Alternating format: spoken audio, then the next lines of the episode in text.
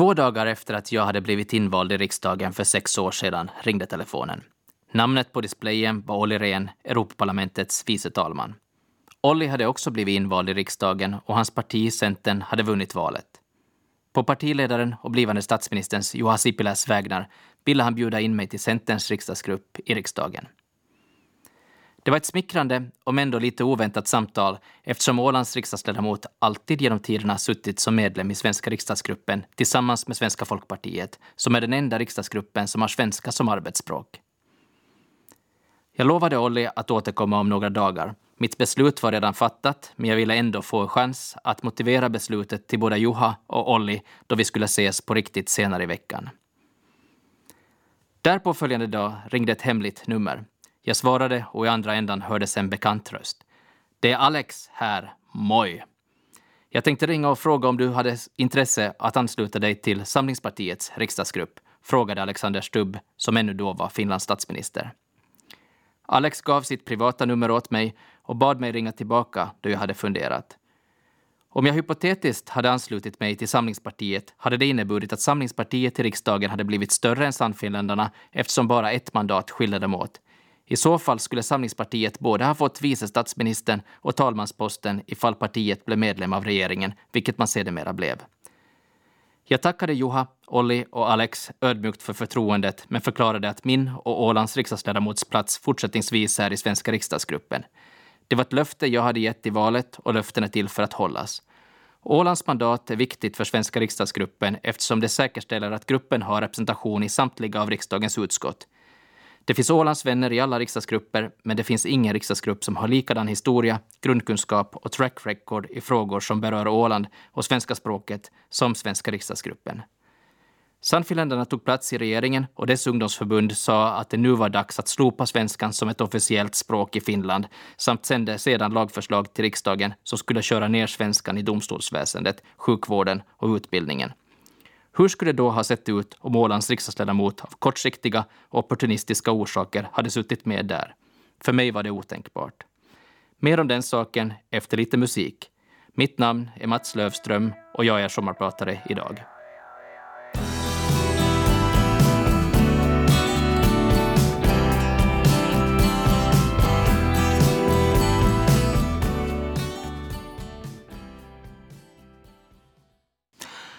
Kurt Weill med låten Loading Zones. Som Ålands riksdagsledamot handlar det om att långsiktigt jobba för de värderingar och frågor som är viktiga för Åland, inte bli en bricka i ett politiskt spel som lätt kan straffa sig mångdubbelt efter fyra år då regeringen igen byter.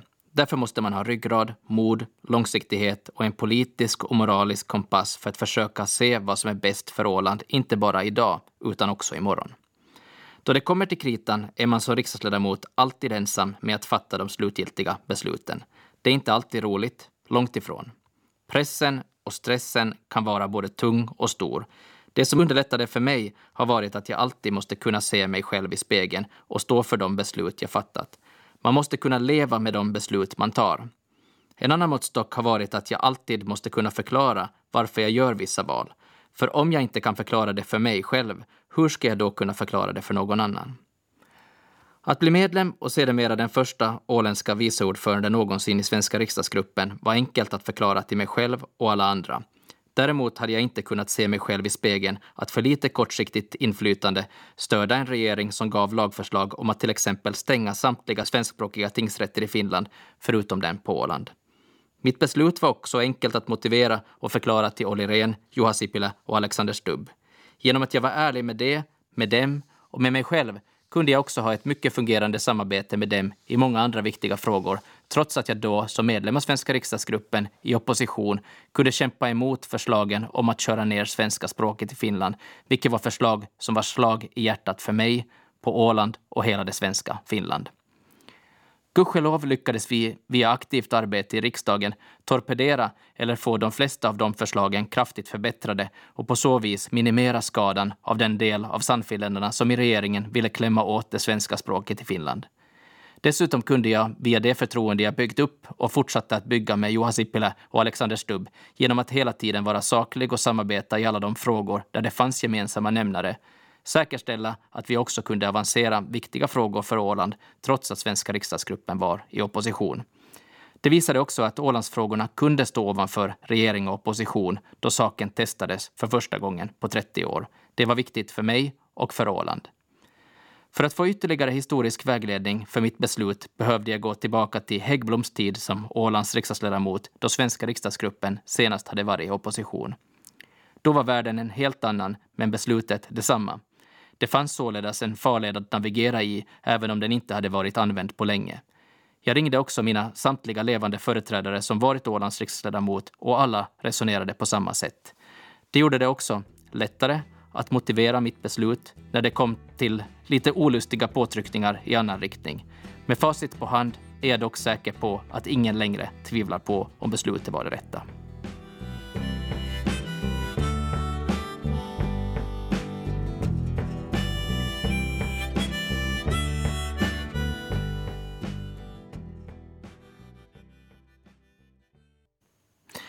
Neil Young och hans låt Heart of Gold. När det blev klart vilka partier som skulle bilda regeringen efter riksdagsvalet år 2015 och att svenska riksdagsgruppen skulle hamna i opposition talade jag med regeringsbildare Juha Sipilä gällande behovet att få in en skrivning i regeringsprogrammet om att självstyrelselagsreformen som inletts under förra mandatperiod skulle fortsätta. Vissa tror att det var Sannfinländarnas ultimatum som gjorde att svenska riksdagsgruppen inte skulle kallas till regeringsförhandlingarna, men beslutet var Sipiläs eget. Som ingenjör hade han gjort en matematisk övning som visade att tre partier var tillräckligt. Vissa saker, bland annat att Ålands riksdagsledamot var i svenska riksdagsgruppen, hade varit faktorer som Sipilä hade vägt in som fördelar för att kalla också svenska riksdagsgruppen till förhandlingarna i Smolna. Han såg det dock som svårare att då få ihop ett regeringsprogram och det hade han säkert rätt i och det fanns inga garantier för att det hade lyckats eftersom det fanns så många saker som svenska riksdagsgruppen inte hade kunnat godkänna i regeringsprogrammet, både gällande svenska språket men också många andra saker gällande både människosynen och miljöpolitiken. Med facit på hand hade det också varit omöjligt att medverka i regeringen, även om de sakerna såklart alltid påverkas av hur regeringsprogrammet är utformat. För första gången på över 30 år skulle svenska riksdagsgruppen hamna i opposition och det var en stor sak. Under hela min livstid hade man varit med i regeringen och senast var man var med i opposition ett år mellan 1978 och 1979 då man lämnade regeringen så varade oppositionsperioden enbart ett drygt år. En längre än fyra års period i opposition för svenska riksdagsgruppen hade före det senast hänt 1925 till 1930 från och med Tulenheimos till Kallios regeringar. Då var Finland ett land med helt andra utmaningar än idag. Av den orsaken var saken en så stor händelse och jag minns exakt vad jag var då jag hörde det lite innan Sipilä skulle ge saken offentlighet i lilla parlamentets auditorium. Efter det gick jag till plenisalen för att sätta mig ner eh, för att tänka och fundera i lugn och ro i den öde salen. Oavsett regeringsbas hade Åland och jag ändå intresse av att självstyrelselagsrevisionen skulle fortsätta och att säkerställa många andra viktiga intressen för Åland då Ålands frågor aldrig får bli i opposition. Mer om det efter lite musik. Mitt namn är Mats Lövström, Ålands riksdagsledamot och er sommarpratare idag.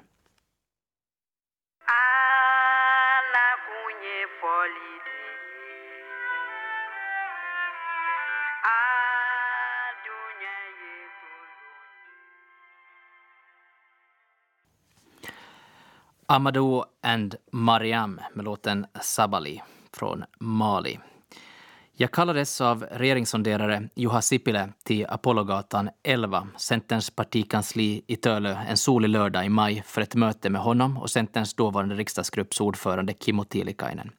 Kimmo blev efteråt minister men har idag lämnat politiken och är istället generaldirektör för Geologiska forskningscentralen. På mitt möte med dem hade jag flera ärenden, både gällande självstyrelselagen samt en önskan om att av partiet få en ersättarplats i grundlagsutskottet eftersom svenska riksdagsgruppen bara hade en plats, vilket den tidigare justitieministern Anna-Maja Henriksson önskade att få. Även om det var klart att Centern skulle leda regeringen och svenska riksdagsgruppen skulle sitta i opposition för första gången på 30 år så fick jag den önskade utskottsplatsen av Centern. Många utomstående undrade nog hur ett regeringsparti ger ifrån sig en plats till en grupp som är i opposition. Men så var det ju inte, utan de gav den naturligtvis till Ålands riksdagsledamot. Ålands riksdagsledamot är såklart precis som alla andra ledamöter, men jag har själv alltid varit noga med att inte delta i några politiska rackarspel.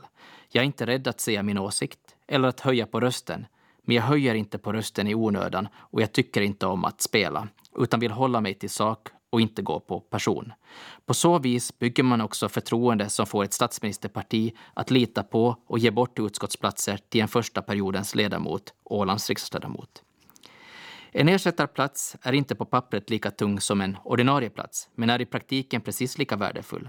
Jag deltog nog i flera utskottsmöten än många ordinarie, eftersom man som ersättare alltid har närvarorätt i utskotten oavsett om alla ordinarie är på plats eller inte. Genom den posten kunde jag överse alla viktiga åländska frågor där samtidigt som jag kunde få den ordinarie platsen i kommunikationsutskottet för att också säkerställa en för sjöfarten viktig intressebevakning. Med min kunskap i sjöfartsfrågor litade utskottets medlemmar alltid på mig trots att jag var från en oppositionsgrupp. Det var inte ovanligt att den sannfinländska dåvarande ordförande Ari Jalonen tittade på mig i sjöfartsfrågor och frågade mig inför utskottets alla medlemmar. Mats, är den här linjen OK? På samma sätt som han tittade på de grönas Jyrki Kasvi i frågor om datasäkerhet. För mig har det här bevisat hur viktigt det är att hela tiden agera sakligt och fast man blir arg ibland inte låta ilskan rinna över till personangrepp utan hela tiden vara saklig. Det är det som hela tiden bygger förtroende och som gör att man har möjlighet att sedan kunna påverka då det verkligen gäller.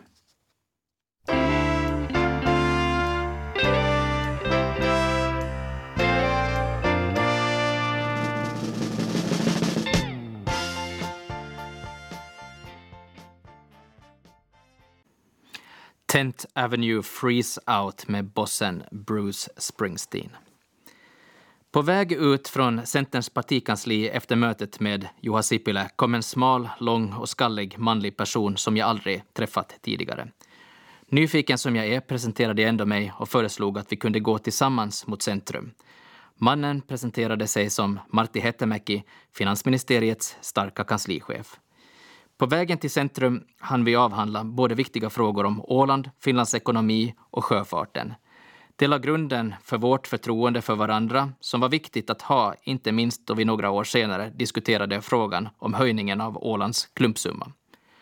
Trots att vi i just den frågan ofta hade diametralt olika åsikt hade vi alltid respekt för varandra, vilket gynnade processen framåt. Att vara nyfiken, orädd, men att samtidigt försöka behandla alla människor med den respekt man själv vill bli behandlad är en viktig grundprincip för mig. Samtidigt gäller det att komma ihåg att ledande tjänstemän ofta kan vara precis lika betydelsefulla som ledande politiker. Det gällde inte minst Martti Hettemäki, som jag av en slump träffade för första gången den där soliga lördags eftermiddagen efter att vi båda haft olika möten med Juha Sipilä under regeringsbildningen. Och kom ihåg, vem som helst kan i framtiden vara helt någon annanstans. Första dagen i riksdagen 2015 träffade jag en, liksom jag själv, nyinvald riksdagsledamot jag tidigare inte hade hört talas om. Hon var från Tammerfors, hennes namn var Sanna Marin och hon var ett par år yngre än mig. Idag är hon Finlands statsminister.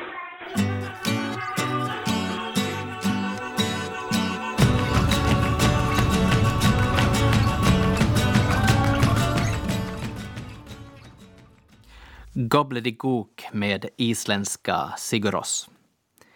I riksdagsvalet 2015 var det flera som sa till mig, varför ska jag rösta? Som en av 200 kan man inte påverka någonting i riksdagen. Jag hoppas att jag under sex år i riksdagen kunnat visa att det inte stämmer. Som riksdagsledamot kan man inte få igenom något ensam. Finland är ingen diktatur och en av 200 betyder fortfarande att det finns 199 andra som också har något att säga till om i samma saker. Men genom att vara påläst, bygga upp förtroende och respekt samt kunna argumentera för en sak går det att få nästan förvånansvärt mycket till stånd både i riksdagen och utanför. För riksdagsmandatet ger inte enbart inflytande inne i riksdagshuset utan också gentemot ministerier och statliga myndigheter eftersom ministerierna är skyldiga att besvara riksdagsledamöternas frågor. De är inte bara skyldiga att göra det, utan gör det dessutom nästan alltid, hemskt gärna. I statsförvaltningen på samma sätt som på nästan alla andra ställen finns det fantastiskt duktiga människor som jobbar och som framförallt vill säkerställa att saker också fungerar. Sen finns det såklart också undantag och det är ofta de som ofta får rubrikerna i media och som uppmärksammas. För när saker går som de ska så är det ju ofta inget nyhetsvärde. Som riksdagsledamot får man inflytande i samhället genom att i varje riksdagsval förtjäna allmänhetens förtroende och mandat. Inför varje riksdagsval har alla kandidater noll röster oavsett om man suttit 40 år i riksdagen eller aldrig varit invald tidigare. Det är det mandatet i varje val som allmänheten ger som säkrar varje riksdagsledamots inflytande. Sen är det såklart också så att man för varje år i riksdagen blir mer erfaren, vilket också ökar på inflytande och kontaktnäten till det som verkligen har inflytelse. Men utan det starka röstetalet jag fick i senaste riksdagsval skulle jag inte ha den starka positionen jag har och haft och som gjort det möjligt att göra anspråk på de utskottsplatserna som den här mandatperioden varit allra mest centrala för Åland. Mer om det efter musiken. Mitt namn är Mats Lövström och jag är sommarpratare idag i Ålands Radio.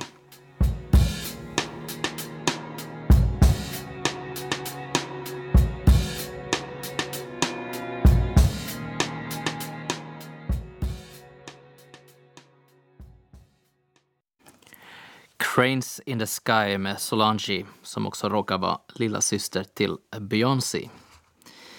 Det finns massor av frågor där man sällan är ensam men där ens insatser ofta kunnat varit bidragande för att få igenom saker oavsett om det gällt höjningen av klumpsumman eller att förra sommaren få regeringen att öppna upp Berghamns hamn på mindre än 24 timmar under coronarestriktionerna för att se till att inte MS Eckerö skulle behövt köra till Mariehamn istället.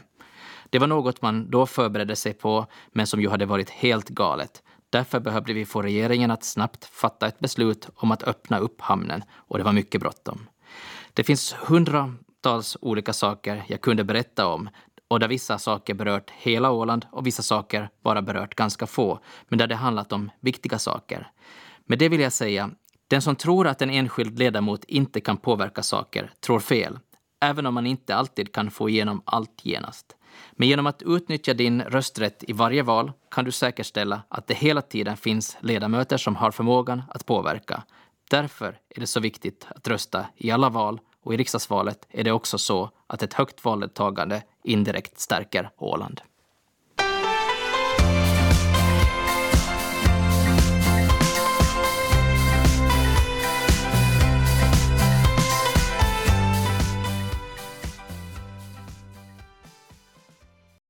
Everything Now med kanadensiska Arcade Fire.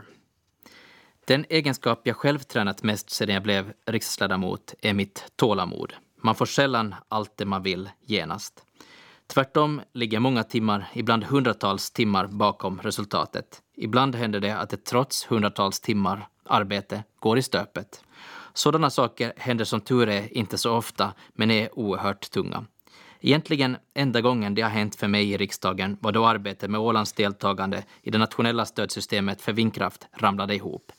Vägen hade hela tiden varit lång och krokig under många år och flera ministrar. Vissa centrala tjänstemän, framförallt en, satt spikar på vägen och käppar i hjulen så snabbt man kom åt för att både förhala och förhindra beslutet. Efter otaliga möten och arbetstimmar hade vi ett mycket viktigt möte med dåvarande Ålandsminister Anne Berner. På plats var både representanter från landskapsregeringen och arbets och näringsministeriet. Vi träffades i kommunikationsministeriets vackra mötesrum nära ministerns kontor. Mötet gick mycket bra och det kändes som att sakerna nu äntligen skulle lösa sig. Efter det formella mötet kallade Anna Berner med sig tjänstemännen från arbets och näringsministeriet till hennes arbetsrum. Hon bad också att jag skulle komma med medan den åländska delegationen i övrigt skulle stanna. På arbetsrummet valde hon att uttrycka några starka och väl valda ord till tjänstemännen i ärendet och gå igenom att det är politikerna som beslutar i regeringen. Rätt obekväm att själv behöva vara med i det arbetsrummet och den tryckta stämningen så kände jag ändå att nu kommer det här gå vår åländska väg eftersom Berner så tydligt visar var skåpet skulle stå. Hur det gick sen berättar jag mer om efter musiken. Mitt namn är Mats Lövström och jag är er sommarpratare idag.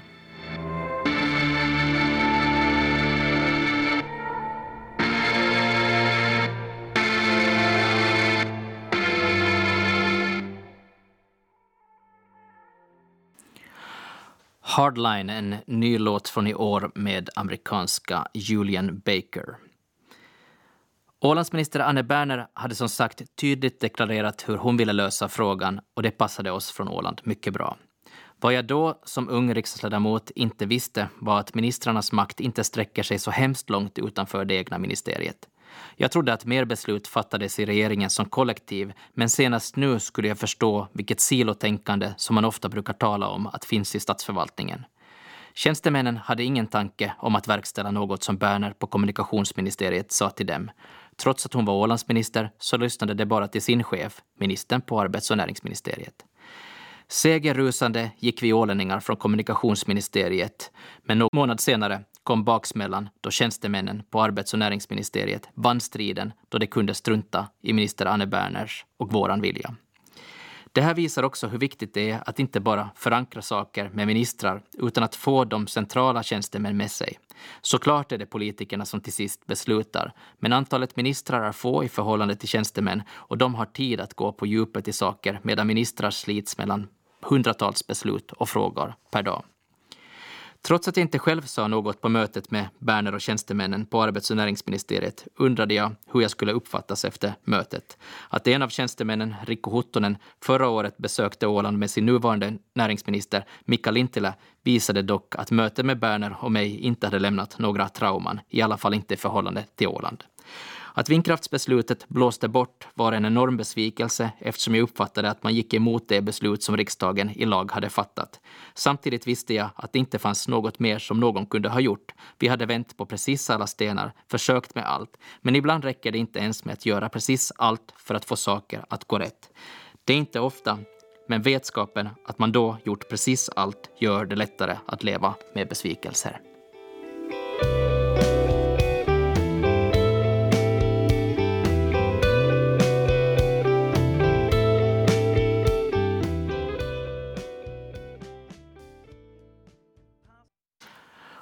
Wilco från amerikanska Chicago med låten Impossible Germany. Aldrig ensam, alltid ensam. Så hette ett avsnitt av Sveriges Televisions tv-serie om Göran Perssons tio år vid makten som Sveriges statsminister. Den känslan kunde likväl stämma med hur jag ibland känner det, i likhet med de flesta andra riksdagsledamöter. Det är säkert dessutom bara en bråkdel av hur alla ministrar och i synnerhet statsministern känner sig. I vårt uppdrag har vi dagligen kontakt med massor med människor. Vi har normalt en rad möten från tidig morgon till sen kväll med sista samtalet lite innan midnatt. I utskottet finns alltid kollegor på plats och man är aldrig ensam. Därför är det paradoxalt att riksdagsuppdraget ofta kan kännas rätt ensamt. Efter mina första år i riksdagen frågade jag Gunnar Jansson, som ju var Ålands ledamot i riksdagen i 20 år, om han känt samma sak. O ja, det kan vara otroligt ensamt, sa han. Jag vet att många kollegor från andra delar av landet känner precis samma sak. Även om du omringas av människor är det bara du som sist och slutligen fattar beslutet, måste leva med det och ta ansvar för det. I riksdagen är jag alltid den enda från Åland, nästan alltid den enda från svenska riksdagsgruppen och ofta den enda som har svenska som modersmål på mötena. När det kommer en oerhört viktig fråga som man vet att påverkar människors vardag på riktigt och som du ska vara med och fatta beslut om och påverka känns pressen, förväntningarna och trycket. Den som bygger upp det starkaste trycket på mig är alltid jag själv eftersom jag alltid sätter de hårdaste förväntningarna på mig själv när jag känner att sakerna har stor betydelse för andra människor och när jag vet att min insats kan göra skillnad. Desto tidigare man förstår att man som ensam inte kan rädda hela världen eller lösa alla människors problem, desto bättre. Annars skulle man fort bränna ut sig.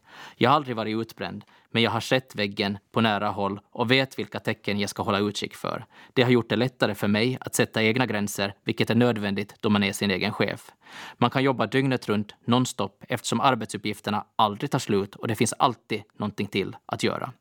Därför måste man lära sig prioritera mellan vad som är viktigt och mindre viktigt, vad man på riktigt kan påverka utgången och de tillfällen då tåget redan gått och det inte finns någonting mer man kan göra. Sen finns det många frågor då man måste ge allt och där många vill vara med och dela på framgången om det går bra, men där ingen vill vara med och dela på ansvaret om det går dåligt. Sådant bygger press, krav på att prestera och det kan kännas ensamt. Samtidigt är det kanske just det som gör att saker som tur är sällan går riktigt åt skogen, utan nästan alltid ordnar upp sig.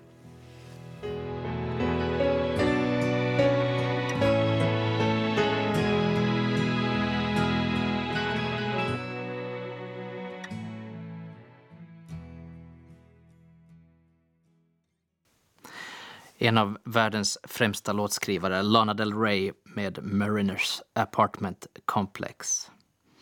En av de gångerna jag känt mig som mest ensam var inne i Ständerhuset försommaren 2019. Jag ingick i förhandlingsteamet från svenska riksdagsgruppen i regeringsförhandlingarna då regeringssonderaren hette Antti Rinne. Regeringsförhandlingarna är fruktansvärt viktiga eftersom de bestämmer de stora men också de små linjerna för de kommande fyra åren. Vilka lagförslag ska ges, vilka skatter ska höjas eller sänkas och så vidare. Det som står i regeringsprogrammet binder regeringen och därför är det så viktigt att inte bara få med bra skrivningar utan att undvika att få med dåliga eller till och med förödande skrivningar. Alla har såklart sina egna ideologiska utgångspunkter, regioner och intressegrupper att representera. Det har aldrig funnits mer om Åland i ett regeringsprogram än i det nuvarande. Det är jag mycket stolt över. Det var en sak jag jobbade aktivt med och jag var med och formulerade skrivningarna själv. Texten där är ett tydligt bevis på vad man åstadkommit i förhandlingen och som man kan vara glad för. Det står i Rinnes och i regeringen Marins regeringsprogram svart på vitt.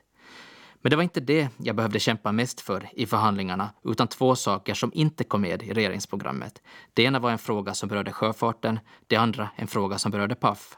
Båda två var ödesfrågor för Åland och Ålands ekonomi. Om någon av skrivningarna skulle ha kommit med skulle det betyda att regeringen skulle förbinda sig till att arbeta för sakerna. Det ena var frågan om att införa en passagerarfartygsavgift på 5 eller 10 euro per passagerare. Det hade varit katastrof för rederierna och för Åland. Frågan gjordes till en tröskelfråga för vår grupp och saken löstes till sist vid partiordförandebordet. Det blev ingen sådan ny avgift eller skatt. Den andra frågan gällde införande av en geografisk blockering på penningspel. En i praktiken existentiell fråga för det åländska penningspelsbolaget Paf. Frågan kröp sig högre upp från arbetsgrupperna mot ordförandebordet. Inför att frågan skulle komma upp där grävde jag fram massor med gamla papper som jag för många år sedan hade fått av landshövding Peter Lindbäck.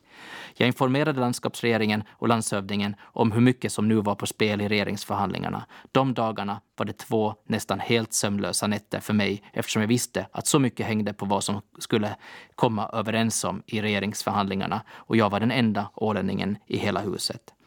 Ansvaret och förväntningarna tyngde på axlarna då jag fick beskedet att jag skulle komma och presentera frågan för ordförandebordet och där jag visste att jag på mycket begränsad tid behövde sälja in en lösning som alla kunde leva med.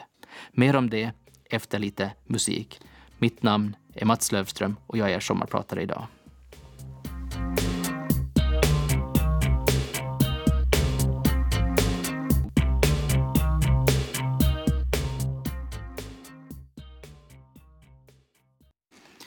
Depeche Mode och Policy of Truth. I rummet satt blivande statsminister Antti Rinne med hans kommande statssekreterare, nuvarande kanslichef på arbets och näringsministeriet Raimo Luoma och högra hand Mikko Koskinen som sedan skulle bli Sanna Marins statssekreterare. I rummet var också Pekka Haavisto, Juha Sipilä flankerad av riksdagskollegan Markus Lohi som varit ordförande för arbetsgruppen där spelfrågor berördes, Li Andersson och Anna-Maja Henriksson. Vi kom överens om en väg framåt på frågan som inte skulle skapa problem för Åland. Jag visste att frågan för stunden var utagerad och att vi sannolikt nu hittat en lösning som tryggade de kommande fyra åren. För säkerhets skull bad jag ändå om att till riksdagen få platsen i förvaltningsutskottet som ansvarar för spellagstiftningen vid sidan av platsen i grundlagsutskottet. Så att jag bara för säkerhets skull skulle kunna vara med i den behandlingen ifall något ändå skulle falla ihop med överenskommelsen. Efter mötet kände jag hur stressen rann av, men eftersom resultatet inte syntes i regeringsprogrammet utan syntes genom att det inte fanns med där fanns inget att säga då. Utåt sett fick man då regeringsprogrammet var klart glädja sig åt de fina Ålandsskrivningarna samt andra viktiga skrivningar, men innerst inne var jag allra mest glad över de sakerna som vi säkerställt att inte kom med. Det var det man fick kämpa med och som man förlorade nattsömnen av. För Åland skulle överleva både utan självstyrelselagsrevision, Ålandsstrategi och att självstyrelsen lyftes upp extra mycket internationellt i samband med Åland 100 det var bra och offensiva satsningar, men Åland skulle inte överleva utan ekonomi och arbetsplatser och där var mycket på spel. Det var inte roligt, men genom att vara med i förhandlingarna fanns möjligheter att påverka genom goda argument och det förtroendekapital man byggt upp och förståelsen fanns där. Ändå var jag pressad då jag visste att jag var den enda ålänningen i huset och den som hade bilden över konstellationerna utan att ha möjlighet att berätta det egentligen till någon trots att man var omringad av människor i ständarhuset. Och vad hade hänt om något gått på tok? Det är sådana stunder man känner sig ensam, trots att man är omringad av folk.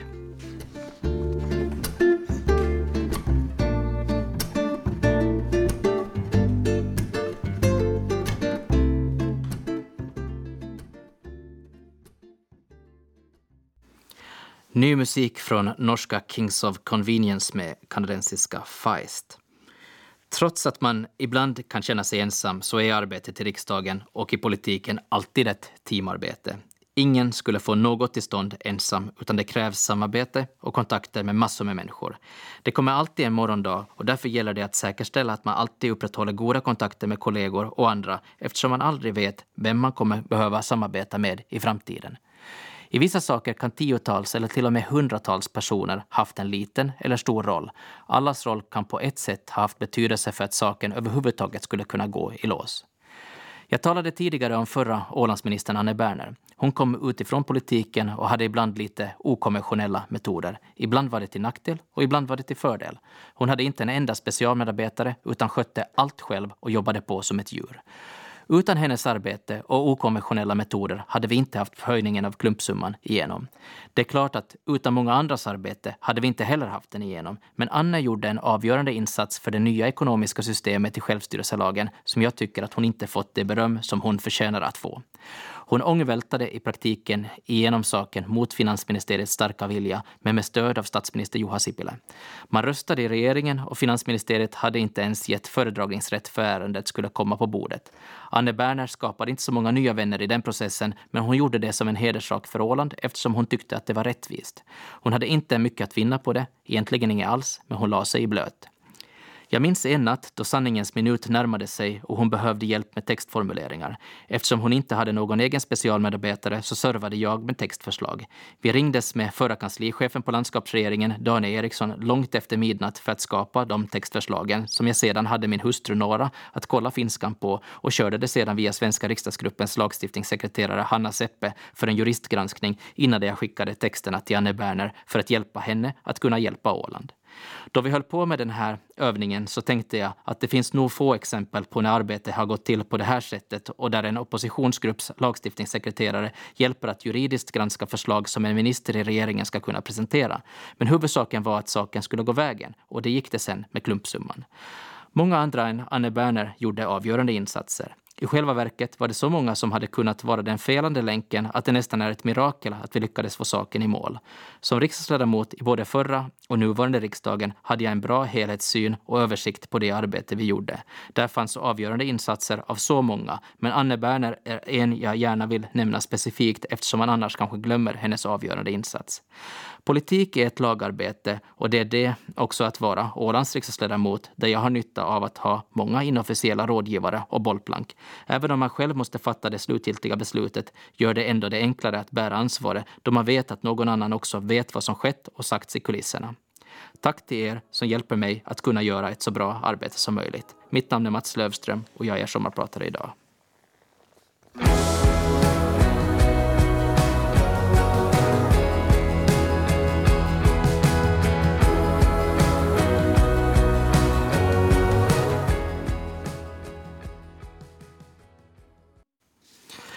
Fleet Foxes från Seattle med låten Can I Believe You. I februari i fjol kallade statsminister Sanna Marin riksdagspartiernas och riksdagsgruppernas ledningar till ett möte i riksdagens auditorium för att diskutera coronaläget. Fallen hade nu ökat i Italien från Kina och det var bara en tidsfråga innan pandemin skulle bli ett faktum och dra in över Finland. Med på plats var också THLs ledning med Tervahauta och Mika Salminen i spetsen som gav en epidemiologisk bild och svarade på hur snabbt ett vaccin kunde tänkas utvecklas. Svaret var ett och ett halvt år. Finansministeriets kanslichef Martti Hetemäki redogjorde också för de, det fiskala utrymmet för stimulanser. Stämningen var surrealistisk då vi satt där med Anna-Maja Henriksson från vår grupp tillsammans med bland annat statsministern, Samlingspartiets Petteri Orpo och Sannfinländarnas Jussi halla och många fler och ställde frågor. Två veckor senare stängdes gränserna och människor hamstrade toalettpapper och ärtsoppa. Surrealistiskt var bara förnamnet. Överlag har Finlands hantering av pandemin gått bra. Regeringen, landskapsregeringen, sjukvården, myndigheter och företag förtjänar stort beröm. Framför allt har alla medborgare skött det bra och förtjänar stort beröm. Det kollektiva ansvar som alla tagit är det som framförallt avgjort att vi i Finland och på Åland klarat pandemin bra. Då visste vi betydligt mindre om viruset än idag och utgångspunkten hos sakkunskapen var delvis också en annan. För mig har det varit självklart att lyssna på sakkunskapen, men det är också viktigt att nu lyssna på sakkunskapen då det handlar om att öppna upp, inte bara då man stänger ner. För att få människor att orka kämpa tror jag det är viktigt att man luckrar upp begränsningar genast då de inte längre kan motiveras vara nödvändiga. På den punkten är också grundlagen tydlig. Livet är aldrig svartvitt eller enkelt, men ibland har man varit för enkelspårig då man försökt hantera pandemin. Det betyder inte att man gjort ett dåligt jobb, men onödigt många människor har hamnat i kläm på grund av bristande lyhördhet. Det är alldeles uppenbart att man grundligt behöver gå igenom förhållandet till Åland under hela pandemin, rent självstyrelsepolitiskt, men man borde också se vad man lärt sig om vissa exempel där människor hamnat i kläm bara för att en del av deras liv råkat vara på andra sidan gränsen och inte i samma nation. Då vi i maj i år med riksdagens grundlagsutskott hade ett gemensamt möte med konstitutionsutskottet i Sveriges riksdag uppstod en känsla att man varken i Helsingfors eller i Stockholm har speciellt mycket kunskap om gränsregioner då man fattat beslut. Och det har gjort att vanliga människor hamnat i kläm för att man varit för fyrkantig. Det kan ha varit någon som skulle hämta sin livsviktiga medicin från Sverige eller en frånskild pappa som inte kunde resa till sitt unga barn. Piloter till ambulanshelikoptrar som varit fem för att inte få komma på jobb eller personal vid kärnkraftverk eller andra extremt viktiga arbetsplatser. För alla dessa konkreta fall hade det gått att hitta fungerande lösningar och det gjorde vi till sist, men inte utan att behöva sätta in det tunga artilleriet eftersom det först inte fanns en förståelse. Vissa specifika saker löste sig först då man lyfte det till högsta ort, ibland till både generaldirektör och ansvarig minister som kunde rätta till de besluten utan att det överhuvudtaget skulle äventyra vår hantering av pandemin. Jag undrar hur många fall som vi inte känner till men där människor hamnade i kläm i onödan. Vi har ett ansvar i politiken att se till att så få som möjligt hamnar i kläm, i synnerhet då det inte äventyrar helheten. Därför behöver politiken bli mer lyhörd också i krislägen som i en pandemi. Här finns förbättringspotential även om Finland som sagt överlag klarat pandemin bra i en internationell jämförelse. I am good, I am grounded,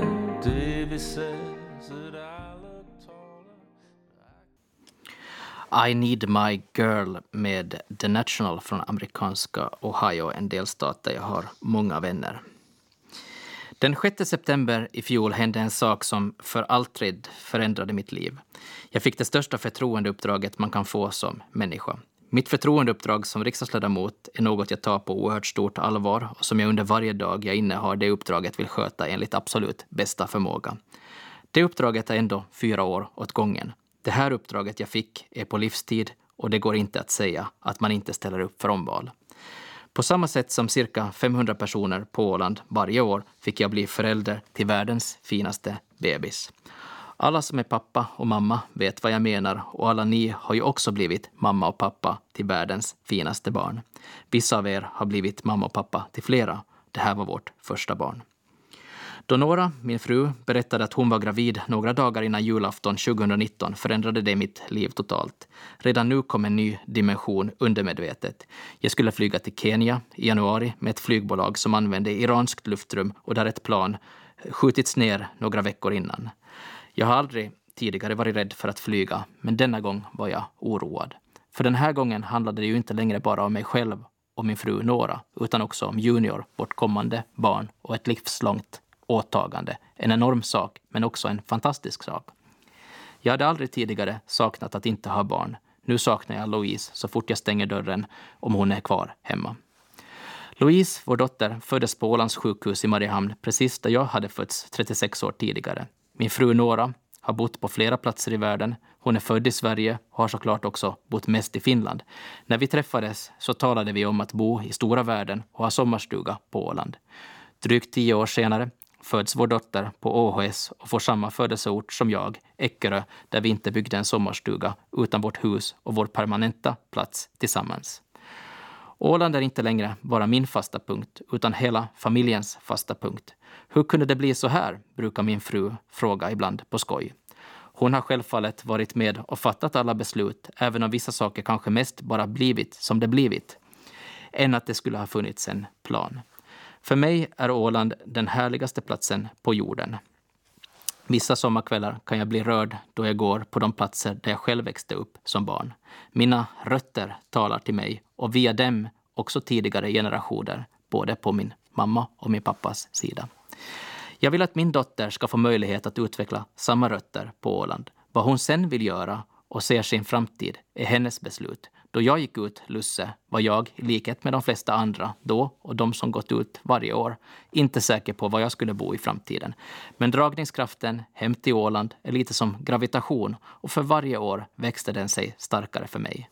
Rötterna drog mig tillbaka till ett hus med hustru och nu också en liten dotter född på sjukhuset i Mariehamn, precis som jag. En av livets cirklar blev kanske sluten på det sättet och med det också det här sommarpratet. Mitt namn är Mats Lövström och jag har varit er sommarpratare här i Ålands Radio idag. Tack så mycket för mig och sista låten idag blir från förra årets bästa skiva av Phoebe Bridgers, I know the end. Tack. Somewhere in Germany, but I can't place it. Man, I hate this part of Texas. Close my eyes.